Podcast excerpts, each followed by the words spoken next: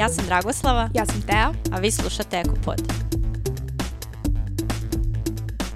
Zdravo svima, danas smo rešili da se malo pozabavimo nečime što je manje teorijski naporno u odnosu na prethodne epizode koje smo imali na Ekopodu. I danas smo rešili da malo porazgovaramo o navikama. Znači, nije, nije nešto spektakularno akademski teško, ali svakako jeste teško na ovom dnevnom nivou premeniti svoje navike. Danas bismo malo iskoristili priliku da pričamo o tome šta su tačno navike, kako do njih do njihovog formiranja dolazi i da li možemo nekako da utičemo na to.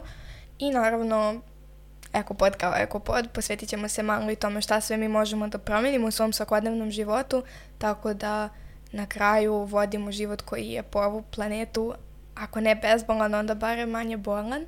Ova epizoda će biti malo opuštenija, potrudit ćemo se da pričamo najviše o onome što je negde naše iskustvo, zato što je ovo jedna pa možda čak škakljivija tema od prethodnih koji smo imali s obzirom na to da je jako velika količina dezinformacija koja se vrti oko navika, a sve u cilju monetizacije na raznorazne načine.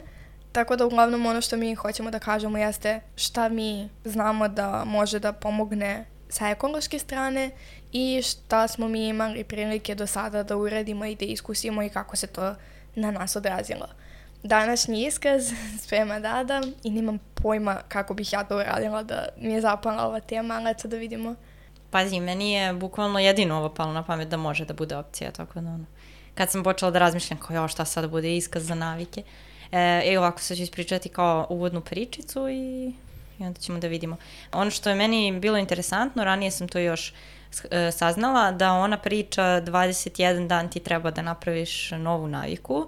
Nije baš tako tačna, a mislim, mnogi se čak i psiholozi ili ajde, nećemo reći psiholozi, oni verovatno znaju, ali raznorazni treneri, ovaj, samopouzdanja i otkud ja znam kako se zovu, ovaj, life coach, e, se pozivaju upravo na tih 21 dan i onda me zanimalo da to stvarno ili nije. Tako da sam znala i od ranije da, da ovaj, to nije tačno, ali ispričat ću sada kako je uopšte do došlo do toga da ceo svet misli da ti treba 21 dan da promeniš naviku i kako smo saznali to nije tačno. E, naime, 50. godina prošlog veka je doktor Maxwell Maltz primetio da kod osoba koje imaju neku plastičnu operaciju, na primjer promene izgled lica na neki način nos ili nešto drugo, ili takođe pacijenti koji imaju amputiran neki deo tela, da im treba otprilike 21 jedan dan da prihvate svoj novi izgled. Da ne osjećaju ono fantom um, ud, bol, da, da. ili uh, da se jednostavno naviknu na svoj izgled u ogledalu. I on je u stvari rekao da je to minimum 21 dan. Izašao je sa time i ljudi su to tako prihvatili kao da je naučna činjenica. On to nije baš tako ni tvrdio, ali eto, tako se primilo bukvalno u celom svetu. I ono što je zgodno kod tog 21 dan uh, ovaj, metode jeste što izgleda dovoljno kratko da onako inspiriše ljude, kao nije večnost, ali je dovoljno dugo da kažeš ok, nije preko noći, nego moraš malo se potrudiš i tako da to svima lepo odgovara. Međutim, u Londonu su psiholozi uradili zapravo istraživanje e, sa većim brojem ljudi koji su e, u periodu od 12 nedelja uvodili neke nove navike i svakog dana su beležili da li se trude da to urade ili im je to postalo već automatska radnja. Ono, bukvalno popi vodu pre ručka ili tako nešto. I na kraju tog istraživanja su oni u stvari zaključili koji je to neki prosečan period da se dobije no, neka nova navika, da u stvari neka radnja postane automatska i moje pitanje je bukvalno koliko je to dana. 66, 76 ili 86? E pa sad, majku. Da, znači šta da, je to? To je dva meseca, dva i po meseca i tri meseca. Nekako mislim da nije ali ovo je sad bukvalno čisto taktiziranje, pošto nemam apsolutno nikakvu šansu da to pogodim. Mislim da nije 76, jer je to srednji broj, a, a to bi bilo kao, ono, da je 76, pa kao plus 10 i minus 10 da dobijem nove odgovore, mislim da ti to ne bi uradila. Dobro, možda podsvesno. 86 nije možda malo... A opet 66 mi mnogo lep broj, majku, ne znam. Uh, Čekaj. Mislim, činjenica je da se završila sa šest i da sam namjerno stavila za tri broja tako da se... Vrlo mi je jasno. Ovaj, ali, da, koji je ta tri, ne znam šta. E pa sad, ćemo reći pet i pet. Pa ajde, kako god. Um, mm, mm, mm, ne znam, danas osjećam optimistično, pa nek bude 66. Bravo.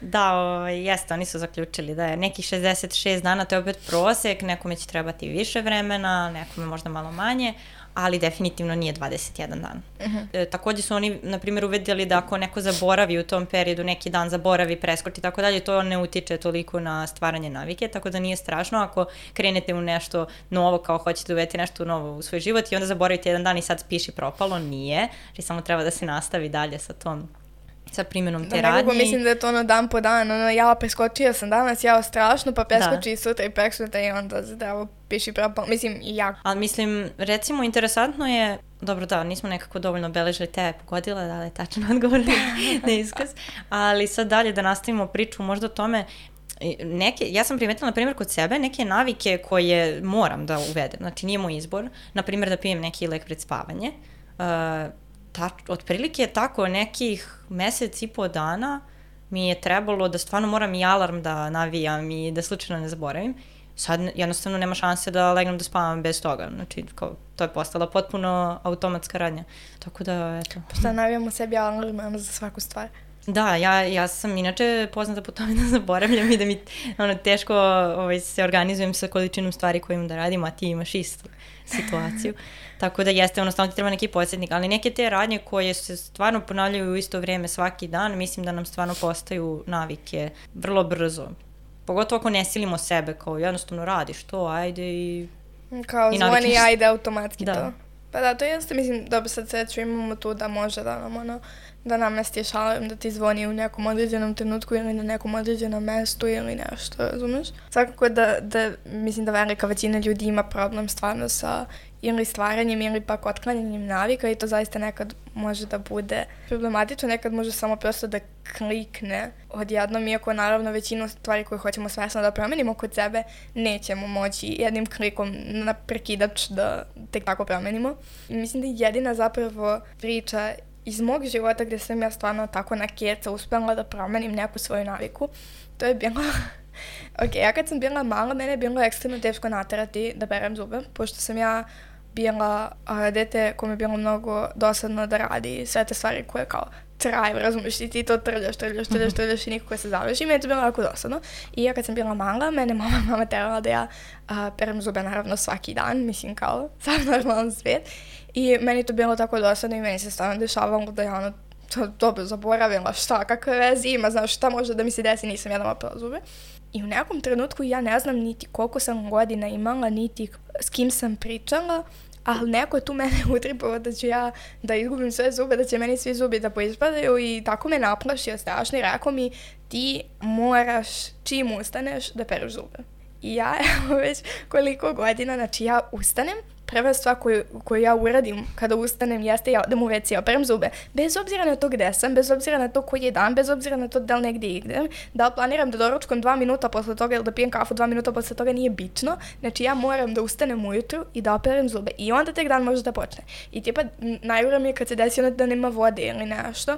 Ja onda cijelo prepodne sam ljuta i nervozna na sve žive zato što ja nisam operala zube. I to je ne znam, mislim, to je, to je onako jedan od stvarno redkih primjera, ali mislim da je to opet vezano zato što kao znaš, neko je došao i tu me poplašio i ja sam bila ono kao mala u fazonu, eto, meni će da ispadnu zubi, da ispadnu zubi, da ispadnu zubi i u jednom trenutku to više nije ni bilo potrebno, tako da... Ali ima veze verovatno s tim ko ti je to rekao. Da. Ne a pritom ono dečjoj glavi, ne možeš ni da objasniš zašto je to baš. Ja, bukvalno sam se setila dok si ti pričala da sam ja kao klinka baš bila, mislim, ja sam i sad glasna i pričljiva, ali tad je to bilo potpuno neobuzdano, ono, društveno neprihvatljivo. I kao, meni su, Meni su bukvalno svi govorili ne smeš da upadaš u reč, ne smeš da govoriš preko drugih. Ne, I to, i to je bukvalno Trajal. ta, ceo život do nekog trenutka u drugom razredu.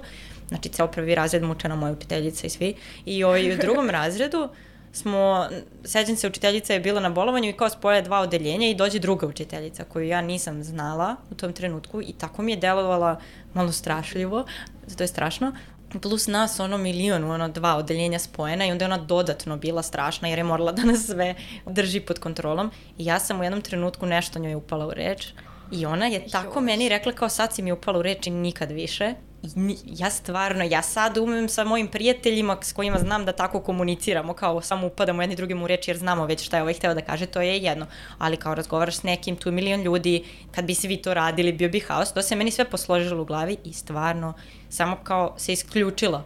A to je stvarno bukvalno taj faz navika koju imaš, koji je jako teško da prekineš i onda ti nešto, nešto toliko jako utiče na tebe da samo odjednom prestaneš to da radiš. Samo ono, ok, ja sad moram da uradim ovo, inače kraj, gotovo, gotovo. nema, ono, da nema, nema me. I sutra će zubi da mi ispadnu, ono šta. to je to, da dok nemamo nešto što će da se desi, što će da utiče na to kako se mi osjećamo povodom svoje navike, jer mislim da je to glavno. Navika je nešto što radiš, o čemu apsolutno ne razmišljaš i u vezi sa čim ti nemaš nikakvo osjećanja. Znači, bilo da je to, ne znam, vezivanje petli kad obojete patike, bilo da je to pranje zuba ujutru, bilo da je to, ne znam, ne, kako ono, higijenske, tako i životne neke navike.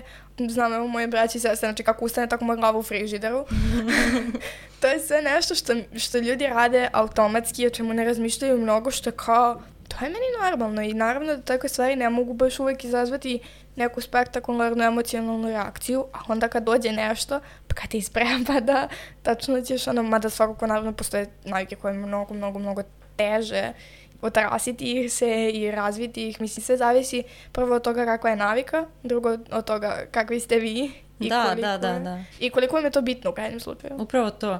Ja ne znam, evo recimo jedna stvar koja je, može da bude jako loša navika i s kojim sam se ja borila ja mislim tri ili četiri puta do sad u životu da kao razbijem naviku pa je vratim pa tako, no, je mobilni telefon. Znači, kad si još sam ja kasno dobila mobilni telefon za moju generaciju, poprilično kasno, ali sam se vrlo brzo zainteresovala i za telefone i za kompjutere i sve to i isplivala na vrh kao ko se razume u telefone, evo je Dragoslav. I čim sam mogla, imala sam sve društvene mreže koje su ikada postojale, kako se pojavi, tako Dragoslava ima profil. I nekako na fakultetu, u srednjoj školi to nije bio problem, ali na fakultetu uh, se dešavalo da da ja po ceo dan gledam telefon I dešavalo se, i ne samo meni, nego i mojim nekim prijateljima, da, na primjer, izađemo, jer stvarno, one, one sve prozivke starijih generacija, kao kako izađu mlađi na, u grad, pa svi gledaju svoj telefon, bukvalno mogu da se prepoznam u tome u nekim trenucima svog života. Da ti izađeš i umesto da pričaš ljudima, svako gleda u svoj telefon. Mislim, to, to je stvarno strašno i ovo što si ti malo prepričala je skoro tačno da ti ni ne primećuješ da imaš tu naviku, kao lošu naviku, ili dok ti neko baš ne skrene pažnju, jer to je nešto što vuče i druge probleme. Ne samo kao ti imaš lošu naviku i loša je po tebe, nego automatski ne poštuješ ljude sa kojima si, to je prvo. Neko ti nešto priča ti odjednom se zagledaš, stigne ti notifikacije samo si nestao iz te prostorije i kao strašno. A drugo, postaješ manje produktivan u svom životu dnevnom, zato što nisi fokusiran. Znači, ti si konstantno što god radio, u nekom trenutku samo puf i odeš na telefon. Tako da su I daj da vidim na minut i nemate samo minut. 20 minuta. Yes. I onda ti oni kao sad od pre nekoliko godina imaju onaj screen record time i sve to da vidiš koliko si i kad vidim ono tipa 9 sati, ček, kao kako sam ja mogla da imam telefon 9 sati od mojih budnih koliko? Mm, da. Znaš, kako je to moguće? Ja nisam svesna toga.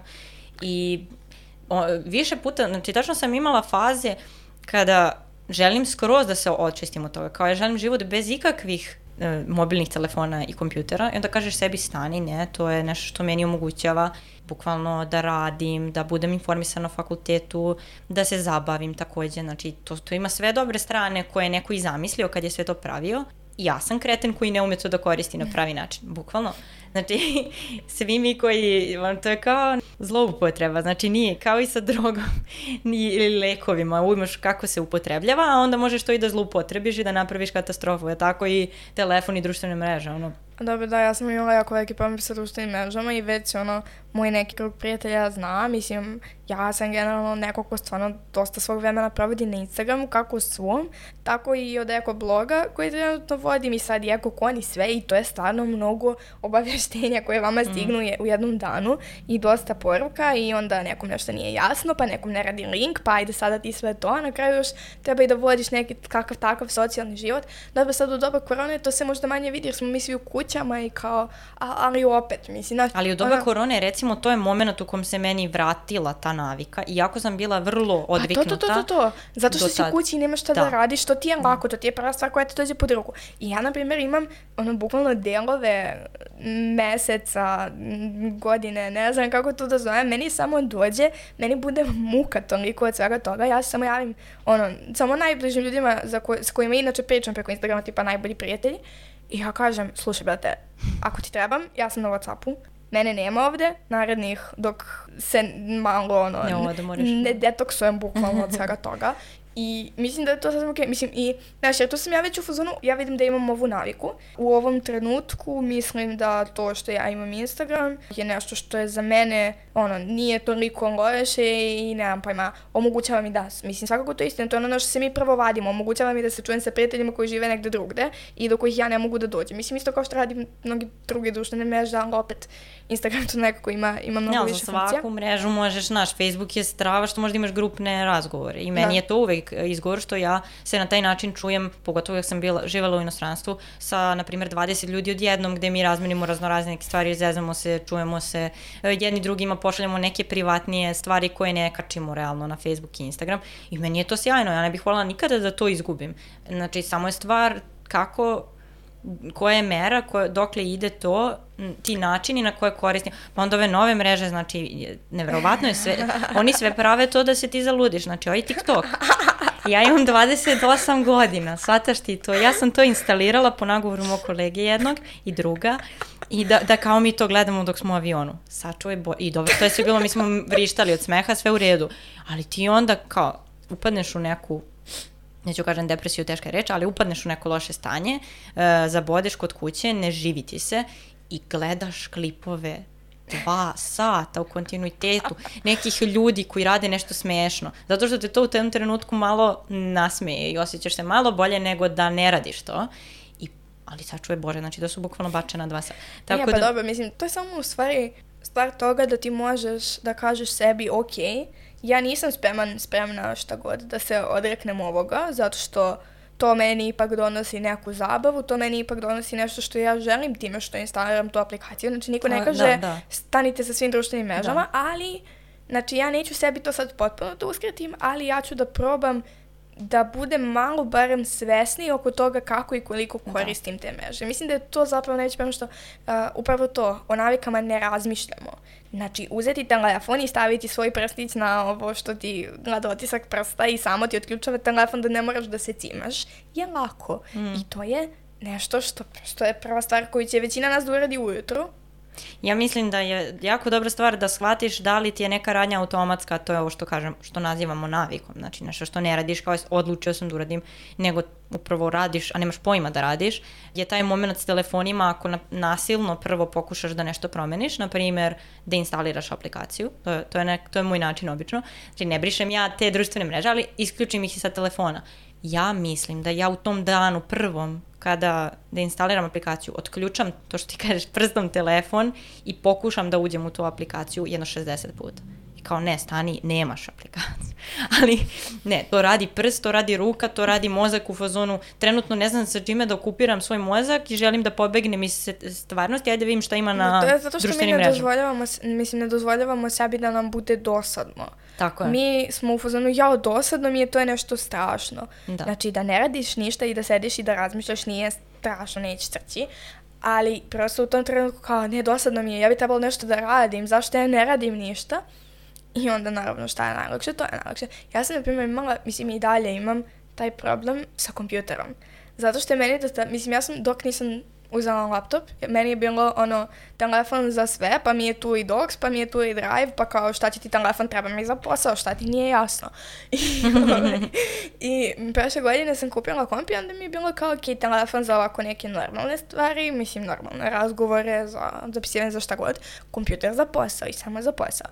I jednom trenutku se to onako izmenilo, ne znam, na primjer, um, ne znam, treba da okačim nešto za, za ekoblog na Instagram, ja uđem na Face da vidim koja je, a, koji je tekst danas objavljen, da znam da mogu da skinem sliku, da namestim link, bla, bla. Pola sata kasnije. Pola sata Šta sam ja radila? ali, ali najgore stvar od svega jeste što ja sebe ubedim da ja radim nešto, da ja radim, zato što Da. sam ja na kompu, ja nisam Da. na telefonu, meni telefon stoji tamo, on je, on je zaključan, ja ga ne diram, a ja sam na kompjuteru, ja radim. I meni jeste otvoreno pet tabova u kojima ja, ne znam, pišem članak i nameštam link. Ali, Šta radiš umeđu vremenu, da. da, tako da mislim da... Znači samo history. Da, mislim, mislim da svakako, to, to je samo stvar da, da, se, da se osveste tako neke, Da, tako neke to. stvari na koje nam ide. I to je upravo što te aplikacije rade. Mislim, koliko god ironično zvučalo, da li aplikacija vama može da pomogne da prestanete da koristite aplikacije, zapravo može iz prostog razloga što ona bleji tu na vašem zaključanom ekranu i piše vam koliko ste puta danas otključali telefon.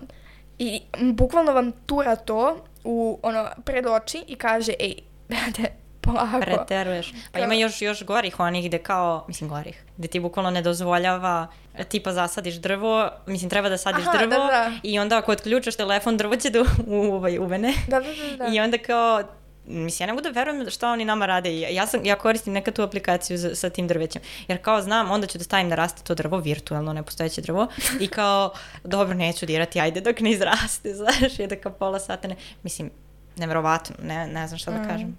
Ali dobro, sve što svima, što bilo kome pomaže da bude bolje i da promeni svoje loše navike je u redu, ja mislim. Da.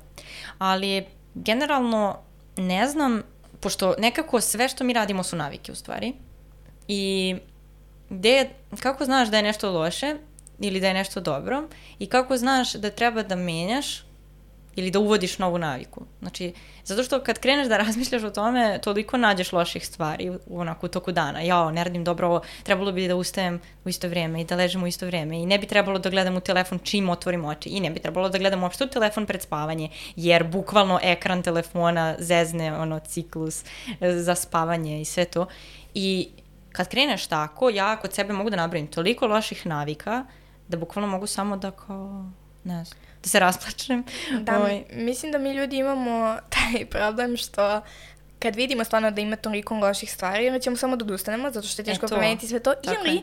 ono što, ja bolesno onako uzem i ufazom sam, ja ću sad da uradim sve. To ne to ne može. To neće moći. I ono što sam pričala baš malo pre sa Dadom, um, kada ležite uveče i gledate klipove na YouTube-u o tome kako uh, funkcioniše prokrastinacija i kako da prestanete da prokrastinirate.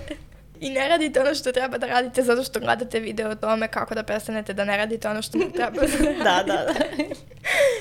I kao u tom trenutku je naravno već nekih 11 uveče zato što kad se drugo gleda 15 sati YouTube videa nego u 11 uveče.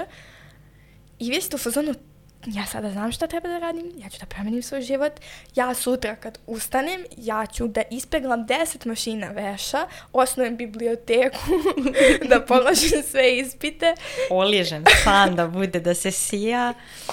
Da, i imamo, im, imamo tu, tu, tu tendenciju da tako nas uveče pukne neka motivacija i naravno, a šta sad ima da krenem da spremam sobu, već je ponoć, kasno je, znači ja ću to ujutru. Ja, nekad stvarno se desi, ja šta radim, ja sam uzmano, ok, meni treba neko vreme kada ću ja to da radim. Ja uzmem sebi i napišem u kalendaru, tad do tad radim to, tad do tad radim to. Ustanem ujutru. ono, Ta motivacija kao da je bila druga osoba. Meni se bukvalno dešavalo da se osjećam kao da je ta, znači te misli uopšte nisu bile moje. Kao, bože, sačuvaj šta se meni desilo sinoć. To kad tako isplaniram i, i motivisano odlučim šta ću sutra da radim i onda ustanem ujutro kao, um, da. ne. Da, a ono što sam ja uspela da skontam da je meni možda najviše olakšalo, mislim, što se tiče ovih, da kažemo, e- eko navika, ali ovako nekih životnih, to je napravi da ti bude lako. Da. Meni stoji knjiga pored kreveta, ja kad ne znam, kad stavim telefon da će da se puni, na primer, zato što mi je prazna baterija, ja ga stavim na knjigu, ja vidim knjigu, ja mogu da uzmem tu knjigu, ne moram ni da vodim računa o tome da sam možda zaboravila da upalim svetlo, zato što imam moje malo svetlo za knjigu koje mi stoji pored kreveta, na primer, lupam sad. Ja kada krenem na posao, ja ne moram da razmišljam da li sam spakovala flašicu za vodu, zato što imam flašicu za vodu koja meni uvek stoji u rancu. I znam da sve i da zaboravim da je napunim, što se jako redko dešava jer ja volim hladnu vodu. Ali sve i da zaboravim da je napunim, znam da je ona tu. Znači, to je možda neki ono, što kaže, napravi si da vidiš, ono, okači sebi na vrata, na kvaku, kad se uhvatiš za kvaku, da vidiš to što treba da uradiš i onda ćeš da uradiš.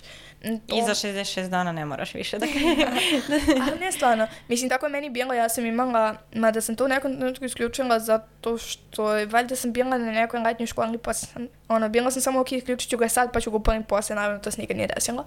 Ali ja sam imala alarm koji meni zvoni u uh, 11 uveče da mi kaže da ja treba da spavam. Ja sedim mm -hmm. sa mhm. mojima, tu su nam i neke komšije došle, sve super. Meni zvoni telefon ja gasim alarm, zdravo, doviđenja, mm -hmm. ja odah. I to je meni stvarno radilo dva meseca, zato što je meni svaki dan zvonio alarm kao debilu u 11 I to je radilo. Uveče. I to je radilo, a to je za, samo zato što meni treba alarm, ja sam tip osoba. Ja odmah navi alarm za spavanje. Nije trebalo ovo da vi ispričaš. ne, da sključavam telefon, da ne, ne mogu sad sa psimom, sa tobom postaću. Postarat će se da se to desi, dobro.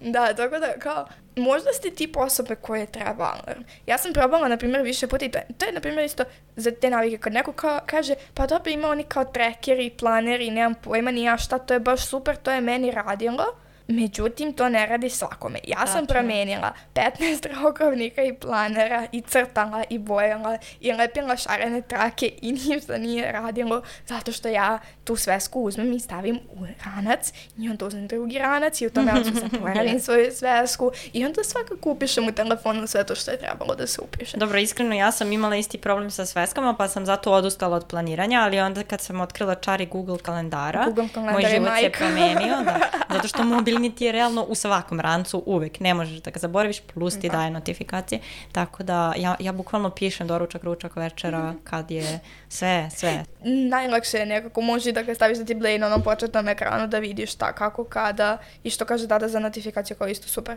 Tako da mislim da je to, da je Google kalendar zapravo postao planer jako velikoj većini ljudi. Da, mislim to i jeste, to je dobro. E, ali ima ljudi koji stvarno vole, znači to je, ali to je, to je stvar, znači ako vama neko kaže, e ja sam probao to i meni je to uspelo, to ne znači ništa. Da. Znači takve stvari morate, pogotovo kada su stvari koje su toliko lične kao što su navike u pitanju, Znači, to mora da bude nešto što vama lično odgovara. To ne može ono, e, rekao Mile, to je super, ja ću sad... Rekla da, da, Google kalendar. Ne, ali ta, poenta moja je bila da u stvari moraš da istražuješ, ne možeš samo koje ne odgovara mi sveska je, pa dobro, ništa, ja ne mogu da se organizujem i ćao zdravo. Moraš da probaš da tražiš razne načine kako da se organizuješ. I stvarno će, ne znam, neki ljudi drže ono na zidu kalendar pa pišu, pa stvarno kad izlaze iz kuće pogledaju šta imaju ili šta treba još da urade. Ne znam, mislim, razni ljudi se organizuju. Ja znam neke ljude koji stvarno bez te sveske koji ti pominješ da tebi nije radila, ne bi mogli dan da prežive. Pa bukvalno. to. Znači samo sveska non stop. Tako da...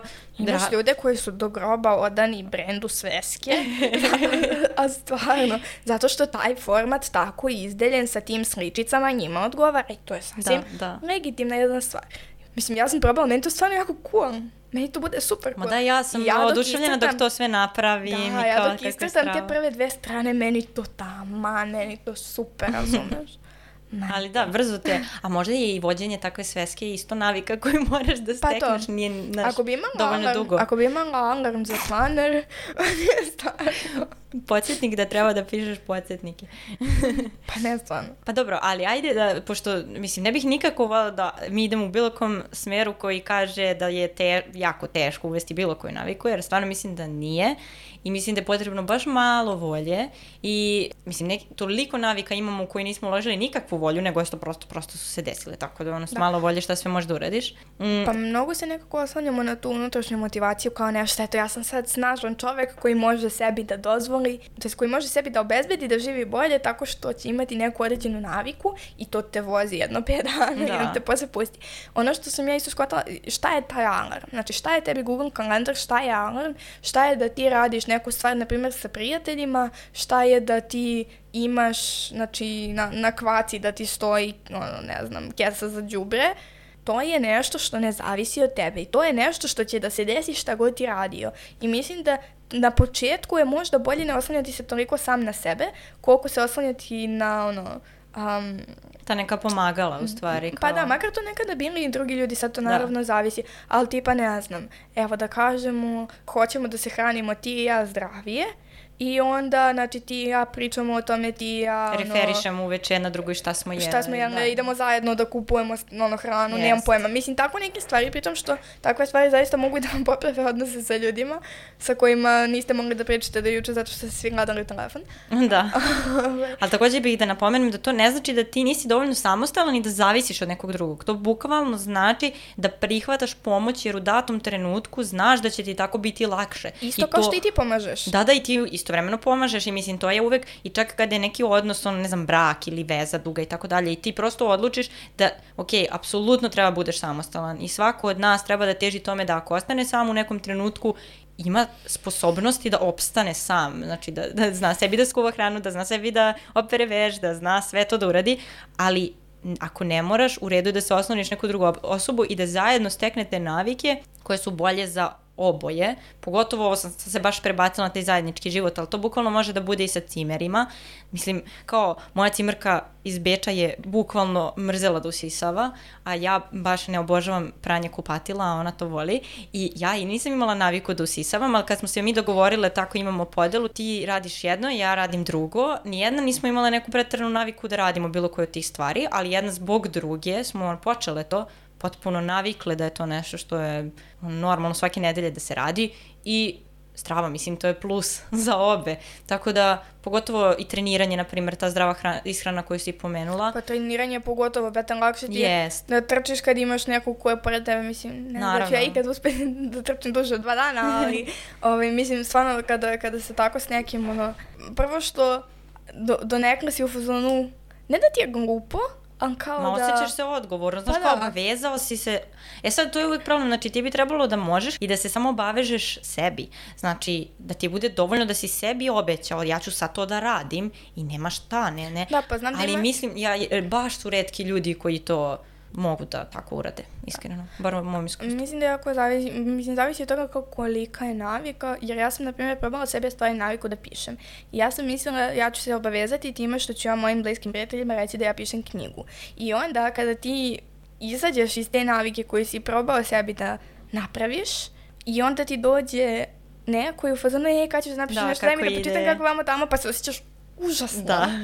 I, na primjer, ono što sad radim, imam druga koji isto piše i onda mi se dogovaramo svaki dan, imamo određeni termin kada ćemo nas dvoje da sednemo i samo da se posvetimo 20 minuta tome. 20 minuta, 20 minuta, nema mm. veze.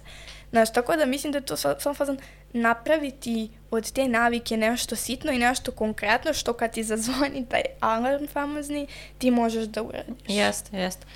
Pa evo, ja mislim da ne bi bilo loše da u, ovom svetlu porazgovaramo i tim ekonavikama, da bismo možda pomogli nekome da uvede nešto u svoj svakodnevni život, što nije mnogo teško. I ne znam, hoćeš ti možda da mi kažeš, e, ja otprilike mi dosta i radimo zajedno, pa imamo slične neke navike, te već se ustalilo, ja i kad sam razmišljala o svojim navikama, koje su kao eko, što su nekako posebne i drugačije, meni to čudno jer su meni to normalne stvari i voljela bih da većini ljudi to postanu normalne stvari. Pa eto, šta su tvoje neke navike koje si uvela da su tako eko, da kažem, i što je to eko u stvari? Mhm. Pa mislim da moja omiljena navika na svetu, sad ona se to igrom slučaja ispostavila da bude eko, ali moja naj, najdraža stvar na svijetu, s obzirom na to koliko stvari radim, sa koliko se ljudi dnevno sretnem i sa koliko ljudi ja moram da pričam i da ono, se, se nosim, da kažem, u svakodnevnom životu i s obzirom na to naravno da mi je puna kuća dece i da ne mogu da budem sama, meni je šetanje postalo nešto što apsolutno moram da uradim. Znači, bez 5 km dnevno ja neću proći dan zato što ja na posao idem peške, zato što sam ja u školu išla peške, zato što ja kad idem kod nekoga idem peške, koliko god mogu da idem peške ono, ili kad, kada radim negde daleko, idem barem deo toga peške. Zato što je to meni trenutak u kom ja uključim, ne znam, na primjer, slušam nešto, neki podcast, na primjer, ili slušam muziku samo, ili samo ono, držim slušalice na ušima samo da mi otklanjaju buku koja dolazi sa strane, da ja mogu sama sa sobom da budem i da razmišljam i da ono, dođem sebi i da vidim dok sam stigla i šta još moram da uradim. Na sve to ajde što, mislim, mnogo, mnogo, mnogo znači za životnu sredinu, jer okrenite se oko sebe i vidite broj automobila u kojima se nalazi samo jedan vozač i niko drugi i troše se litri benzina da prevoze jednu osobu. Mislim, dobro, gradski prevoz jeste, da kažemo, bolja alternativa, ali opet znajući gradski prevoz, pogotovo u Beogradu, mislim, to jeste takav sistem upravo zbog toga što se ne ulaže u javni prevoz, upravo zbog toga što se sad svi imaju kola i što vi kad napunite 18 godina, ako nemate već ono položen vozački i ukoliko vam, um, ukoliko već ne razmišljate o tome kako ćete koja kola da vozite, uh, ne znam šta vi radite u životu, zašto vi niste položili vozački, Pričamo, mislim, A to je jako začarani krug. Ti imaš i u drugim nekim evropskim gradovima je najnormalnije da deca ono sa 16, 17, 18 godina polažu za vozački, ne, ne znam, u Austriji ili tako nešto. Takođe i da dobiju auto, ali uopšte ga ne voze. Znači, ja, na primjer, kad sam bila u Beču, oni kažu nisam luda, idem kolima da tražim tamo pola sata parking kad ima metro koji savršeno funkcioniš. Znači, čak i kod nas u redu je i da kupiš sebi auto i da putuješ, da ono, ideš van grada, da ideš sa društvom, sve to u redu, ali da mi imamo dobar prevoz, ljudi sigurno ne bi birali auto, jer je auto koliko god ono da ti omogući da stigneš tačke A na tačke bez stres jedan, mislim, prolaziš... Da, razmišljaš da si platio parking, da si ovo... Da, da ćeš uopšte neko... naći parking, da... Da. će neko ti slomi šoferku, mislim, ono... Da, pritom je ovaj trošak, mislim, koliko bi jeftinije bilo da imaš funkcionalan gradski prevoz koji plaćaš, ne znam, nije 3-4 hiljade dinara mesečno i ideš gde god hoćeš. mislim da se čak i manje plaća. Pa kako dakle. za koga, ono, zaposleni da. 3 hiljade studenti plaćaju jako malo. Naprimjer, u odnosu na Beč je naš gradski prevoz jako jeftiniji, duplo čak i plus tamo, na primjer, leti ne možeš da koristiš studentsku kartu, jer nije, ne, ne bi je koristio za faks, znači ne može. Stvarno? da, da, da. Tako da... Ovde, brate, realno gledano ti više... Ti ovde bi bilo savršeno ti ono za 1000 dinara ili 1200, ne znam nija koliko je za studente, tehnički bi trebalo da možda stigneš bilo gde u gradu u roku od 45 minuta maks. A ti zapravo od centra do Medaka nekad putuješ po sat i 15 minuta, nekad i sat i po. Znaš, kao mogu do Novog Sada da stignem čoveč. kolima. Pa, znači, ja znam to. kad idem, kad idem za Novi Sad, pošto ja za Novi Sad idem busom, meni više treba vremena da ja izađem iz Beograda nego od trenutka je. izlaska iz Beograda do Novog Sada. Tako je. Zato što prosto sve je toliko prezakrčeno.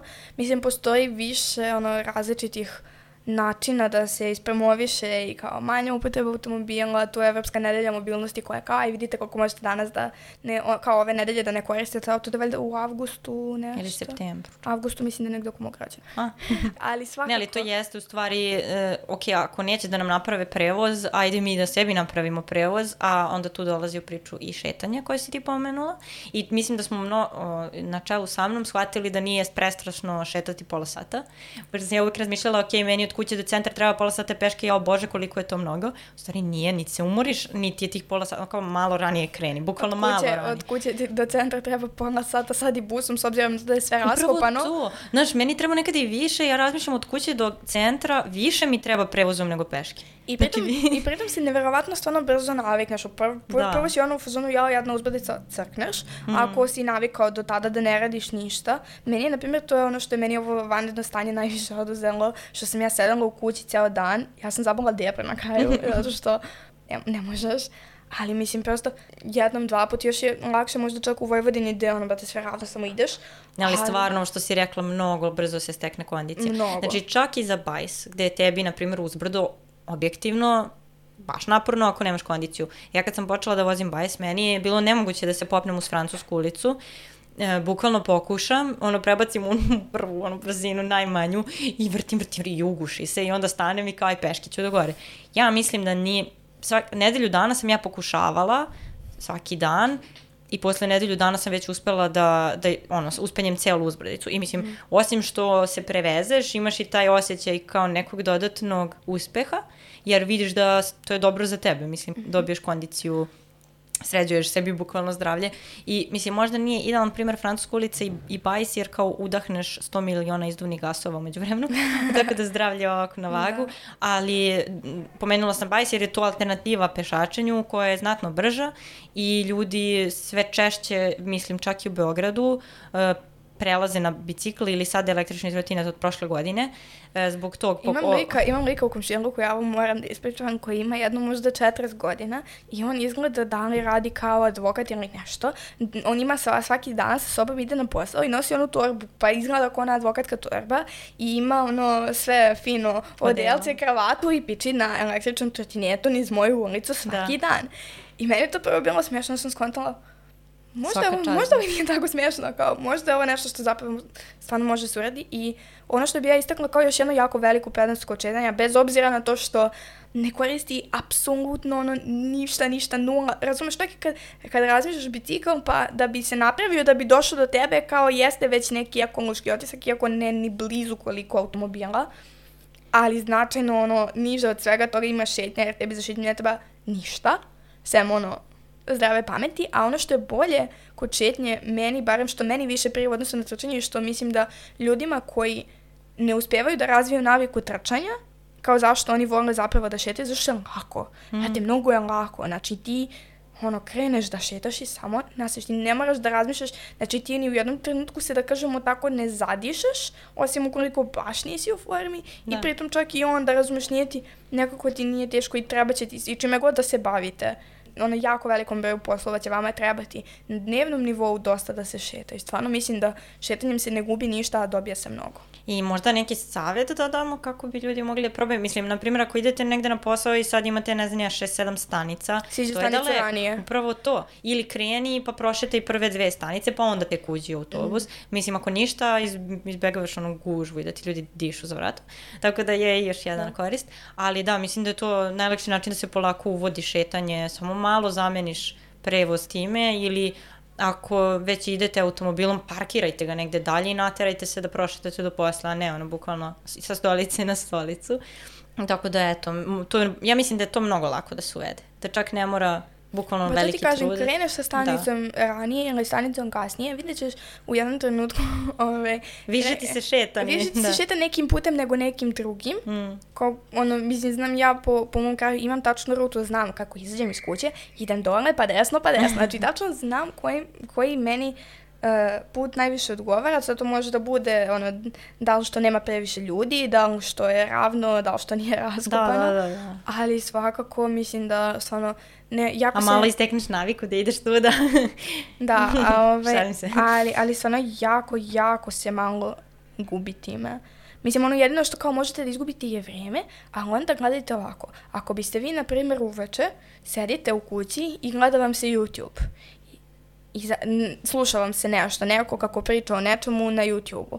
Vrate, slušalice na uši, izađi napolje, slušaj lepo preko YouTube-a šta ti priča sad, hvala Bogu, svi imamo ove, gomilatine interneta koje ne možemo ni da potrošimo u mesec dana, tako da mislim stvarno to je nekako ono naj... Ne znam, uvek ću biti zagovornik šetanja. Ako, bravo. um, možda mislim da, da pređemo na neku sledeću naviku. Uh, ja recimo, ono što sam uvela kod sebe, ali moram da naglasim da to nije nešto što se tako lako uvodi i može da potraje duže i mislim da, uh, ono, to je, ovo je sad na početku kao disclaimer, znači, um, nije, nije lako i traje 100 godina, ali jedno po jedno, malo po malo i shvatiš da ti da potpuno imaš drugačije navike, a ne znaš ni kad se to desilo. Uh, to je recimo korišćenje manje ambalaže, generalno. Znači, ambalaža za hranu, ambalaža za na higijenske proizvode, kozmetiku i sve to. Znači, kažeš sebi, ja hoću ovog meseca da promenim, um, da imam jednu ambalažu u džubretu manje, bukvalno tako. I gledaš šta ti je najlakše. Meni je najlakše bilo da prvo zamenim sapun, pošto smo mi koristili u kući tečni sapun. Uh, Tako da smo onda, ok, mi smo se trudili da uzimamo onaj na 5 litara sapun, mm -hmm. pa zapravo imaš manje, ta, ta jedna flaša na kraju i manje plastike nego da si kupovo stalno one male. Ali sam ja rekla, ništa, nećemo više uopšte, znači zašto ja uopšte imam na kraju tu flašu, kada postoje čvrsti sapuni koji se pakuju u papirnu ambalažu koja može da se reciklira ili kompostira ili da se od nje nešto napravi. I to je, samo sam presekla jedan dan, rekla sam, ok, naravno potrošit ćemo ovaj koji sad imamo, neću ga bacim da bi istog dana promenila ovaj, upotrebu sapuna. Ali prvi sledeći sapun, kupujem ovaj i to je to. Onda sam se malo namučila da nađem sapun koji nam odgovara, da nije testiran na životinjama i da ne znam nije šta sve te moji drugi kriterijumi, ali kad smo našli ono koji nam se sviđa sapun, sad samo taj kupujemo i ja se osjećam super što zbog mog korišćenja sapuna, nečega što je apsolutno neophodno, znači ne možeš da živiš bez toga, ja ne ugrožavam životnu sredinu, bar ne u smislu ambalaže. I ne u meri u kojoj je to ranije bio slučaj. Apsolutno. Tako da to je jedan primer, ali onda se to može da se prenese bukvalno na sve kupka za kupanje. Ok, imam ambalažu koju moram da bacim ili ću isto da koristim neki sapun za kupanje. Onda šampon, takođe postoje čvrsti šamponi koji nisu u plastičnoj ambalaži. Ja sam sve to tako zamenila, ali to je trajalo mesecima, zato što ja imam recimo problem i mislim da mnogo ljudi ima taj problem, da kada hoće da promeni neke navike, toliko postaneš anksiozan kao toliko toga ima i onda samo blokiraš to da se ne suočavaš sa poteškoćama, lakše ti je da izignorišeš, tako da sam baš ono kao je polako jedno, po jedno, po jedno, pa, imam tu još mnogo stvari, onda vidiš na internetu, e pa nemojte da koristite ove brijače plastične, jer to je plastika takođe koju baciš u đubre, jer postoje oni metalni sa žiletima i onda se to menja i ono, i ti u glavi pomisliš da definitivno bi trebalo da to promenim, ali kao samo sledeća strana, znaš kao ne mogu time sada da se bavim, to je to e, zahteva vreme. to je to što kažeš sad za tim brijačima i mislim da je to pogotovo važna stvar kod higijenskih proizvoda i mislim da je to dobar trenutak da se sada osvrnemo na to jeste ne može svako sve. Tako je, da, mislim, da, apsolutno. neke stvari, postoje stvarno neke stvari, mislim, dobro, ja sad da ne mogu ništa zašto kao živim sa roditeljima, braćom i sestrama i samo do neke mere mogu da utičem na ono petoro drugih da, ljudi koji žive da u mojoj kući. Da. Ali, na primjer, kada bih živela sama svakako, ono, i, i to što kažeš i za sapun i za šampon, brate, neće ti spasti krvna z glave ako ne koristiš tečni sapun. A postoje neke stvari za koje ja znam, znači ja znam 100% da nešto čega ja ne mogu, kao žena koja održava svoju higijenu da se odreknem, jesu higijenski ulošci. I ne možeš da, a ne stvarno, I pa ne... pazi, ja sam se skroz toga, ja, ja ne koristim. Znam, znači svaki, kao... E, kad pomislim sada koliko uložaka je bačeno zbog mene na deponije, ni mi dobro. Mislim da nećemo pričati o tome, jer ne znam koliko je okej, okay, pošto imamo, ono, slušaju nas svi živi, ali ja kao pa, dobro, jedan minut mislim, za žene. je pro, proizvod nije bitno, mislim. Da, da, da, ali dobro, zato što moje rešenje tome su menstrualne čašice koje su nula otpada malte, ne za sve te go, m, količine uložaka koje možeš da, moraš da baciš. Tako da, da, Iako razumem, znaš, ne, neko možda ne može, neće nikad hteti da, ono, ulošti su mu savršena opcija i to je to i onda kažeš sebi, ok, moram da stavim sebe na prvo mesto u odnosu na zaštitu prirode. Ne, ono što ja pokušavam da kažem kroz taj primer, upravo to ja sam svesna da je to količina otpada kakva jeste i ja sam svesna da to prosto, mislim, ja time što to koristim pravim problem, da. ali Takođe sam onda u fazonu dobro, ako ja ne mogu toga da se odreknem šta ja sve mogu da uradim. I onda gledam da maksimalno uradim to što drugo što Nešto mogu. drugo, pa upravo, naravno. Znaš, to, to, to je isto jedna jako bitna stvar, ne treba imati. Mislim, to smo pričali kad je okay. gostovala Milja. Yes. I ono to upravo za te sapune što kažeš, mislim, evo, pozivamo ponovo, ima Facebook grupa za manje smeće i više sreće. Oni stvarno se trude što više da smanje ambalažu, to ide do nekih stvari koji se vi ne setite. Većina tih stvari koje mi koristimo na dnevnom nivou dolaze u nekoj ambalaži, mi to ne primećujemo. Nikada i nikako. Meni je pomoglo da primećujem to zato što svaki put kada treba da bacimo nešto u moju kantu, znači u, u, u mom stanu, uh, ja samo stanem jedan sekund i zamislim kako to odlazi iz moje kante na deponiju i ostaje tamo. I taj prizor, sad ja jesam malo osetljiva, nekog bi kaže baš me briga, nije više moj problem, znači opet neće raditi to kod svih, ali evo kažem možda neko me pomogne.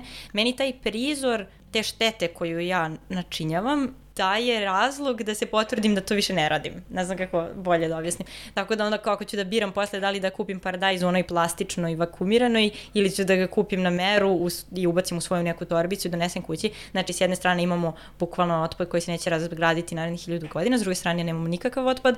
Mislim, meni to ne deluje mnogo teško, ali opet kažem, treba ti najviše vremena da u stvari sebi daš, da odlučiš da ćeš mali taj napor uopšte da napraviš, da izmeniš tako.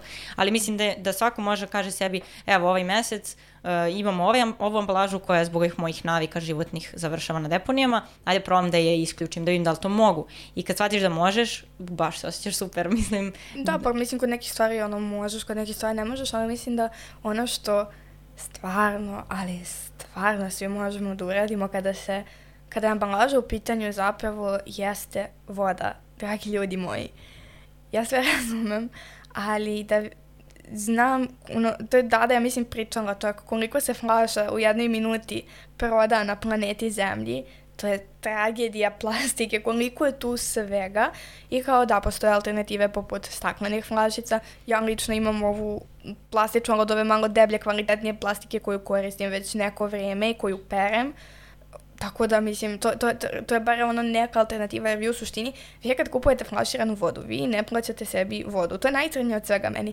Znači, vi ne plaćate, zašto se ja uvek vratim na ovo ekonomski, ja, mislim, zapravo se isplati, što nego od svega sve ove stvari se isplate.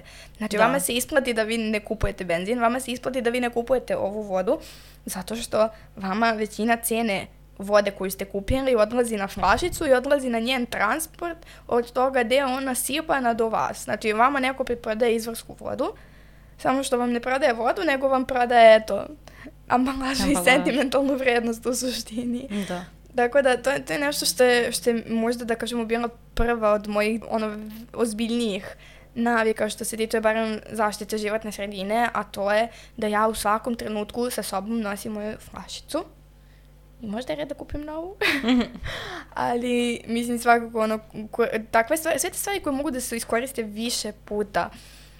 Tu možemo da se nadovežemo i na priču o kesama. Ja Mm, ne znam, ima mnogo stvari stvarno oko, oko tih cegera i alternativa drugih koje postoje plastičnim kesama i znamo da sve to nije ni tako crno ni tako bijelo. Postoji tekst na blogu koji poredi na jako interesantan način cegere i, i plastične kese, pa ga možete provjeriti. Pa isto tako i tekst o papirnim kesama. I tekst o znači, papirnim kesama, sve ćemo to da linkujemo. Da. Ove, ali poenta priče je da ni jedna baš od tih alternativa nije zlato. I naravno, mislim, džabe vama ceger, ako ćete vi da kupite ceger svaki put kad idete u prodavnicu, pravite veću štetu nego ako kupite kesu svaki put, koliko god mi to ne želeli da priznamo, tako je. Ono što ja radim, na primjer, jeste da ja, ja obožavam rančeve, ja ne mogu da izim iz kuće bez ranca, zato što ja nemam gde da stavim moje ključeve i moju flašicu za vodu. I to mora da ide u neki ranac, tako da ja imam svoje rančeve i ja sve što pakujem, pakujem u rančeve i samo isključuju rančeve. Tako da ja nemam, na primjer, taj problem tu, ali znam dosta ljudi koji obožavaju svoje cegere i mislim, to je sasvim okej okay, dok god vi njega ono, koristite do iznemoglosti i dok god zaista nećete da iskoristite ceger, da u njega stavite četiri plastične kese sa voćem. da.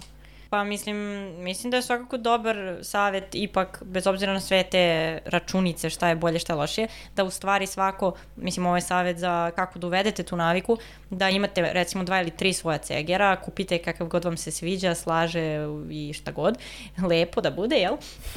Ovaj, da biste ga više volili I onda lepo je ceger u svaku torbu koju inače nosite. Znači da ne može da se desi, ja promenila sam danas tašnu torbu, ranac i sad nemam svoj ceger. Znači u svaku torbu po jednom, to se savije, bukvalno ne zauzima mesto. I onda nema šta gde god da se nađete u nekoj prodavnici, vi imate u šta da stavite ono što ste kupili. Znači to je baš, ja sam to uvela kod sebe, iako sam vrlo bila svesna toga, tek kad sam otišla da živim u Beču, zato što se tamo ozbiljno plaćaju kese i papirne i plastične i sve. I ja sam sebi rekla, bože gospode, zašto bi ja gubila volko para na kese i bi, isto mi je bila motivacija malo ta ekonomska. Pa da. I, pri, I druga, druga motivacija mi je bila to što sam videla da svi ljude nose. Znači, kad ti vidiš da nisi ti tupav što kažeš neću kesu, hvala, jer kod nas kad dođeš i kao nećeš kesu, ti si čudan. Ne sad više, zato što se sad i ovde plaćaju, ali tad kad sam ja menjala tu naviku, bilo je čudno da ti imaš svoju da kažeš neću kesu. Ono, već ti stavljaju kesu, ti kao, ja neću kesu, hvala, i oni te gledaju kao, šta pa se ti praviš važan sad. Pa mislim da i sad da ti odeš sa tegerom u pekaru i kažeš dajte mi hleb i onda ti gura hleb u onu kesu. Da, u pekarama je baš nezgodno, ali ajde Znam ljude koji imaju zasebne kao cegere i peru ih i koriste ih samo da. za hleb ili da. nose korpu ili nešto tako.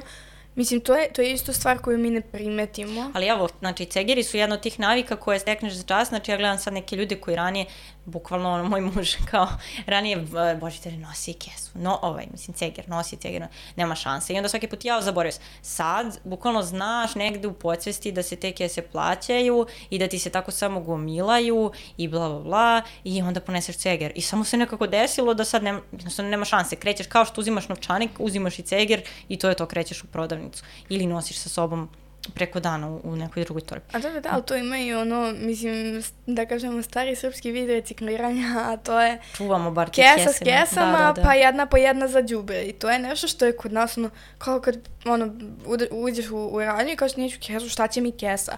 A u stvari, ne, ne šta će ti kesa, nego kesa u kesu s kesama, pa posle se izvadi kesa i bude kesa za džubre. Da, ali mnogo ljudi, odnosno većina ljudi zapravo kupuje kese za džubre. Sada da. To da. ranije nije bio slučaj.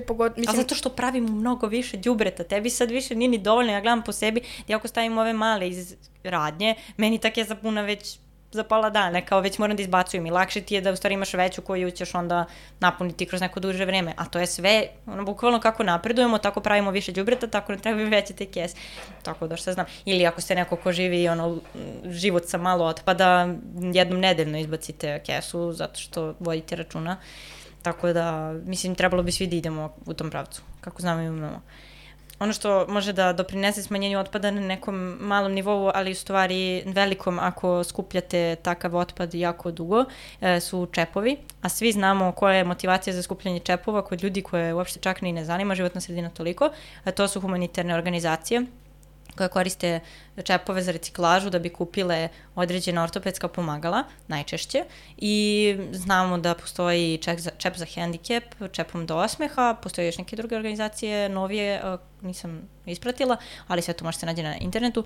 I ovaj, kada donirate čepove njima, vi u stvari stvarno pomažete nekome koji ima neki problem da živi mnogo kvalitetniji život i vi samim tim se i vi osjećate bolje i ti ljudi se osjećaju bolje, a napor koji ste uložili minimalan, niste dali mm, nikakav napor novac. Napor koji ste uložili nikakav, znači ono što bi pa, eto, odvrnula moraš, i bacila. Pa moraš da odeš ono kad skupiš te čepove negde da ih ubaciš, ali da, najčešće... Da, to sad ima u svakom tržnom centru, je, to ono, tako odeš da bi inače otišao u neku radnju, yes. ima ih idejama, ali mislim da su yes. njima iz nekog razloga sada uzeli, da sam ja išla da nosim čepove sa onako jednom pozamažnom kesom, da na meni devojka rekla kao ne, to više nemamo. E sad ne znam šta se desilo sa kutijama iz DM-a. Znam da su ih nekada sve njihove radnje imale i da ih sada nema, barem ona dva u koja sam ja bila. Evo, provjerit ćemo i to pa da. da. Ali u svakom slučaju to je dobra navika. Ja sam je imala, ali na tom nivou ako sam kod kuće, onda e, pripazim kad imam neku flašu da odvojim flašu, pošto sam, to, to sam isto počela zapravo u Beču, jer sam imala ta neku odgovornost kao sad ću ja da skupljam u Beču čepove, da donesem nešto nazad kući kao dobro. Tako da se ja zapravo iz Beča nosila ono, po kilogram čepova na nekoliko meseci i, smarala ljude da, da skupljaju da mi daju. Čak sam e, vodila računa ono i u laboratoriji, pošto sam ja strašno mnogo koristila plastičnih stvari u laboratoriji, što mi je uvek bilo strašno, ali šta da radim. Ovaj, I onda uvek čepove tih raznih, tih plastičnih nekih kao tuba, vajlica, kako se već zovu kod nas, ovaj, gde, u kojima sam gajala moje biljke i u stvari mi nisu bili potrebni čepovi njihovi uopšte za eksperimente. I onda je uvek bilo kao, ok, one su sterilne, potpuno nove, nisu ničime kontaminirane i onda ja polako uvek ono, sačuvam te čepove u posebnu kesu i odmah ih iznesem iz laboratorije, a onda nastavim da radim i svi kao, ok, to mi nije bilo zabranjeno, najčešće ne smeš da iznosiš iz laboratorije ništa, ali pošto je novo novcija, to kao okej okay I ja sam i sve te čepove ovaj, donosila u Srbiju na čep za hendikep. Ali e, ono što, što je bilo recimo u početku meni nekako mi nije bilo svesti je da ako sam na polju i desi se da kupim nešto flaširano, onda to kako hodam, popijem, završim s tim, ja bacim sve celu flašicu zatvorenu tako u kantu i desilo mi se onda kada je Anja došla da me poseti u, u Beč, šetali smo zajedno i pili smo voćni jogurt i ja sam krenula to tako da bacim i ona kao, ne, stani čep. Ja gledam kako sada sačuvam čep od voćnog jogurta, mislim ima se da mi se onako ulepi i deću s njim i to. I ništa, Anja je bukvalno uzela, sprala čep, odnosno sprala taj jogurt i stavila u ranac i ja shvatim čoveče pa da i bukvalno kao ona tvoja priča s početka samo kliknulo i više nikad se nije desilo, znači nema šanse da ja ne sačuvam čep, a i ljudi koji me vide da to radim, onda kao, ej, ja ću da ti skupljam isto čepove, tako da ja dobijam čepove s milion strana, kao da sam ja sabirni ovaj, za nešto ljudi se trude da skupe i onda donesu meni, što je meni isto skroz okej. Okay. Tako da mislim da je to super lako primenjiva navika koja se stiče mnogo lako i ne zahteva previše napora, a znači i za životnu sredinu i za društveni Ajmo da organizujemo neko takmičenje sa kupljenjem čepova. To su radili, ja mislim, jedna od ovih organizacija, da sad ne pogrešim, pa je bilo ono, bukvalno izmeriš kilograme i onda se gledalo ko je pobedio. Mi smo odneli tad kao ekoblog ekipa isto... Ovaj, ja sećam se da smo nešto skupljali, ja nisam znala da je za to koliko Pa da, ne, mi smo skupili dosta, ali nismo ni blizu, pošto ono, ljudi neki skupljaju to cela zgrada i cela zajednica, tako da ovaj, nismo se praktično ni takmičili baš, ali eto, doprineli smo i na taj način. Ovaj, tako da eto, ali mogli bismo sledeći, dobro ideje. Sledeći da... likovni konkurs neko ko ono 3D skulptura čepova. Od čepova, da. Da, pošto snimamo već onako malo duže vremena, da polako onako za, završavamo sa ovim našim primjerima. Neko smo se raspričali više nego što pa smo... Pa kad od ovome možeš da, ovome možeš da pričaš bukvalno ceo dan. A dobro, da. a ono što, što, što nekako uvek prođe nezapaženo, a to su ono neki mali trenuci gašenja stvari to jest isključivanja stvari. Što vode, što struje, znači ja šta radim, idem po kući, gasim svetla i gasim ljudima vodu. Moja majka pere sudove i njoj voda ide odvrnuta i curi, curi, curi, curi, curi, curi, curi, curi. I onda ja uzem da perem sudove i onda ja ono, operem ta, ono, provučem tanjir kroz vodu, ukasim, lepo ono sve. Mm, Detergent, da. tako je. I onda opet upunem A recimo to su uh, naše bake recimo imale naviku, valjda zato što su nekako cenile tu vodu ili nisu imale stalnu vodu i tako. Gomila tih stvari koje su sad treba postanu ponovo in, su naše bake radile. Znači ja Da. znam, moja baka dan danas i ja kad uzmem da perem sudove kod nje moram da se potrudim da to radim tako da se ona ne naljuti. Bukvalno da ti ima, uvek dobiješ onaj jedan sud veliki koji napuniš vodom i sapunicom i u to potopiš, nasapunjaš i staviš sa strane. Uradiš to sa svim sudovima i tek onda spiraš. Znači, I to je sjajno, mislim, ali na- ja mislim da se nama to izgubilo zato što kao, ma šta neću da štedim kad imam dovoljno. To je taj Da. strah od nemanja gde kao, ma imam i sad pustiš da, to je ne, podsvesno, ali ono, puštaš da roka, ajde, tuširam se pola sata jer mogu, znaš, kao, Da. ne znam. Ove, a je mi nekada se desi tipa, ne znam, oni kažu idemo mi napolje, ja kažem dobro, ja u svojoj sobi radim nešto, izađem, to sam nešto da jedem, i ono, play televizor na 50 pojačan, pritom, mislim, dobro, ja ni ne gledam televizor toliko, ja imam jednu emisiju koju gledam s majkom i to je to, on kao sem toga zaista, ne, ovi moji obožavaju da gledaju televizor, sve se trkaju ko će šta da gleda, u kom trenutku i svađaju oko toga, a onda vidiš ti da stoji već pola sata, znači znam, oni su otišli pre pola sata. Niko nije isključio TV, TV pola sata svira u prazno. I onda posle ju vidi kuku majko struja, ne znam, 10.000. pa stvarno. Pa jeste. Ali mislim, to ljudima treba isto da bude, ono, motiv, treba da budu motivisani i tim računima, ako ničim drugim, zato što bukvalno bacaš pare i to je dosta sa strujom slučaje, znači jednostavno gasite uređaje kad ih ne koristite. Veće su šanse da će nešto što radi konstantno da se pregreje i da crkne u nekom trenutku i onda je što će da vas košta para nego što će da završi, znajući naše upravljanje otpadom u Srbiji, što će završi negde na nekoj deponiji da gori zajedno Da. sa ovaj, sv- svom ostalom plastikom koja se tu nalazi. Nešto što, što, što sam ja primetila, na primjer, na Kipru, što mi je remetilo život onako a, jedno, dva dana dok se nisam navikla na to, to je da oni, na primjer, uključuju i isključuju svoje utičnice. Jer, na primjer, ono, ne znam, ostaviš punjač, uključena ti utičnica i sad tebi se punjač greje. I ja sam, ono, dolazim u, u, u sobu i prazam mi telefon i ja jurcam, kačim telefon na punjač kao hu, gotovo, ono i dalje crveno. Ja gledam šta je sad, razum, šta se dešava i samo vidim odavde prekidač, ko za svetlo, na sredu utičnice. Ja kao, šta je ovo? I skontam, tek posle su mi rekli isto da kao oni to, oni to tako rade, mislim to je sasvim normalno, ti uključiš utičnicu kad ti treba i isključiš je kad ti ne treba. Ja ne Da, mogu da sve. zamislim da se to kod nas radi. Pa da, recimo to je na ovim produžnim kablovima imaš često te i to isto ljudi to mogu isto sebi da uvede. Pa to, kad malo kreneš da razmišljaš o tome, možeš da uvedeš tako nešto, da recimo gasiš ce, jer onda automatski ugasiš sve te uređaje, na primjer kada odlaziš od kuće, i 100% onda oni ne troše struju, obrni okreni, mislim, šta god radili. Da. ok, pričamo dugo, dugo, dugo, dugo. Nisam sigurna da sam zapravo čula šta je tvoja zanimljiva činjenica za danas, tako da verujem da ću ja biti iznenađena, osim ako samo nisam zaboravila. Mm, Nisi zato što sam smislila u pos poslednju sekundu i uopšte nije zanimljiva čin- činjenica, nego je meni wow. I mislim da sam čak i rekla to i ono sama sebe razotkrila negde u toku ove epizode.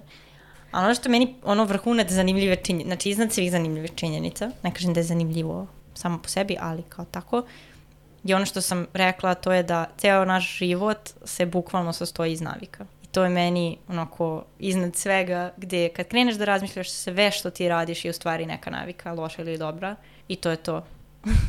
to je meni neverovatno. Ok, za, za, znači, zabadamo po filozofiji kasno popodne. ali stvarno za nije prezabavno kad tako razmišljaš. Bukvalno sve što radiš Meni je je malo navika. deprimirajuće, ali otkud znam. Pa ne znam. Nije, u stvari ne, ja sam rekla da ću danas da budem optimistična. Ne, ali dobro, nije samo za ljude. Mislim, isto se primenjuje bukvalno na pogledaš psa. Znači, sve što on radi, on je tako navikao. Nema tu sve. Da. Tako da, eto. Mislim da je u stvari, e, sam htjela ovako da završim zato što e, želim time da naglasim koliko je važno da, pri, ono, da pričamo o tome, jer je to veliki deo našeg života i mislim da je super što smo posvetili celu epizodu navikama i zapravo verovatno ćemo se baviti detaljnije nekim od ovih aspekata u budućim epizodama. Ono što je moja zanimljiva činjenica za danas, a opet se nekako nadovezuje na sve ovo što smo pričali zapravo sve vreme, neko mi se čini da sve, sve u vezi s ovom temom je jedan ogroman začarani krug gde vi možete da pričate o sve nekim različitim stvarima, da su one u stvari jedno te isto, a to je da u našim navikama veliku ulogu igraju emocije i to kako se mi osjećamo povodom nečega. Zamislite da ste vi odrasli, na primer, na, ne znam, žutom soku. Ajde da kažemo da ste odrasli na žutom soku. U to koliko je to zdravo ili nije, nećemo mnogo da ulazimo, ali ajde da kažemo. I vi ste odrasli na žutom soku i... Um, Obožavam. Obožavate žuti sok. I žuti sok vas vraća u detinjstvo i osjećate se toliko divno kada pijete žuti sok. I onda dođe neko i kaže vam, evo ti dve čaše, u ovoj ovde čaši je žuti sok, a u ovoj ovde čaši je Fanta. Ajde probaj i vidi šta će više da ti se sviđa, šta ti je bolje. I naravno da će osoba da kaže ova u kojoj je žuti sok, iako je u obe čaše žuti sok i apsolutno se ništa ne razlikuje. Mislim, to možete da radite ono i na, i na svojim prijateljima i porodici ukoliko znate da neko baš jako voli nešto. Možete im dati ono bukvalno dve iste stvari, ubediti ih da su to, da je jedna od njih ono što jeste, a druga nešto potpuno kao drugo, a zapravo je to isto i da vidite koliko veliku ulogu u našim svakodnevnim izborima igraju emocije koje mi za nešto vezujemo. Znači, to je osoba koja, na primjer, nikad u životu ne bi ušla u Maxi i rukom posegnula za Fantom, nego bi se spustila donala u diskont ispod Maxija i onda bi uzela sebi žuti sok, zato što voli žuti sok, čovjek. Znači, tako da, pa ne stvarno, tako da da, eto, to, to, bi bilo, to bi bio jedan primjer kako zapravo emocije igraju jako, jako veliku ulogu kako u formiranju, tako i u razbijanju nekih navika. Strava. Za, zanimljivija mi je tvoja činjenica.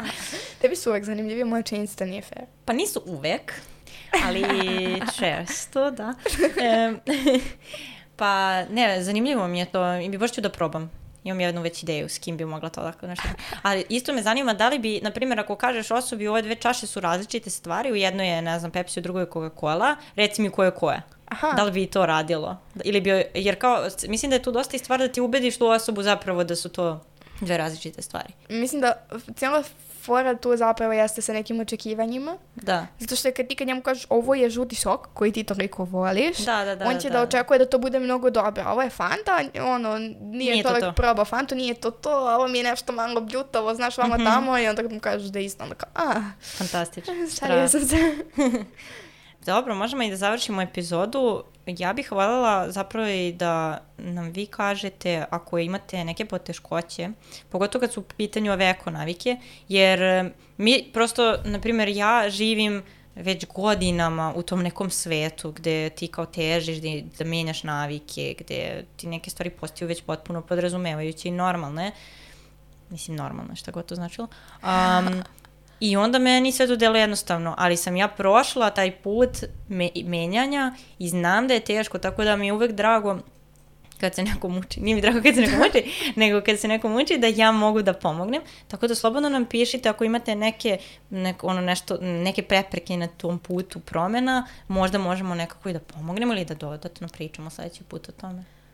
Takođe, vas pozivamo da glasate za naše zanimljive činjenice na našoj Patreon stranici i s obzirom na to da je u trenutku emitovanja ove epizode još uvijek septembar, pozivamo vas da se prijavite i na konkurse ekogeneze u okviru projekta EkoKon sa anglica klimatskih promjena na sajtu ekokon.ekogeneza.org i na našim društvenim mrežama možete pronaći više informacija o akademskom, likovnom, literarnom i fotokonkursu koji organizujemo ove godine, videti za koji od tih konkursa u skladu sa svojim godinama možete da se prijavite.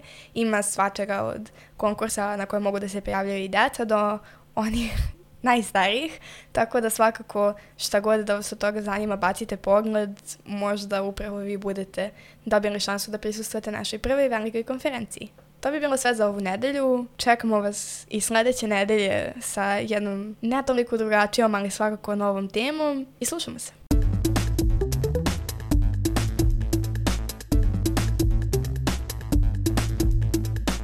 Deset ljudi gusara došlo u moj. Jedan pas kreveta. Ostalo ih devet. Što mi bruji, bruji mi u glavi nešto ova. Da, ima neki šumić. A je li to bilo pre? Ja ću da se naslonim. Ja Ja ću da se ubijem. Čekaj, ok, um, zdravo svima, danas razgovaramo o stvarima O navikama. i o deset ljudi gusara. Šta? Ti ćeš ovo da ostaviš u epizodi ili ne? Ne znam. Pajalica. Vajlica, fankunki, Da, kako se zove srpsko? vajla, Vajla, vajla. vajla O, kao... I one velike kao od 50 vajl. ml. Jel? Pa valjda. Nisam znala kako se kaže. Da, Falcon Tube. Kao- Da, da. E, te ja. E, kažem samo to kao posljednji, onda idemo na fun factu. E, da je, ali ja nisam smislila fun fact. A, je, jesam. Jesi. Šta? Kapuć. Šta je kapuć? Otkud znam? To čujem. Ne, to je samo zvuk. Zvukić.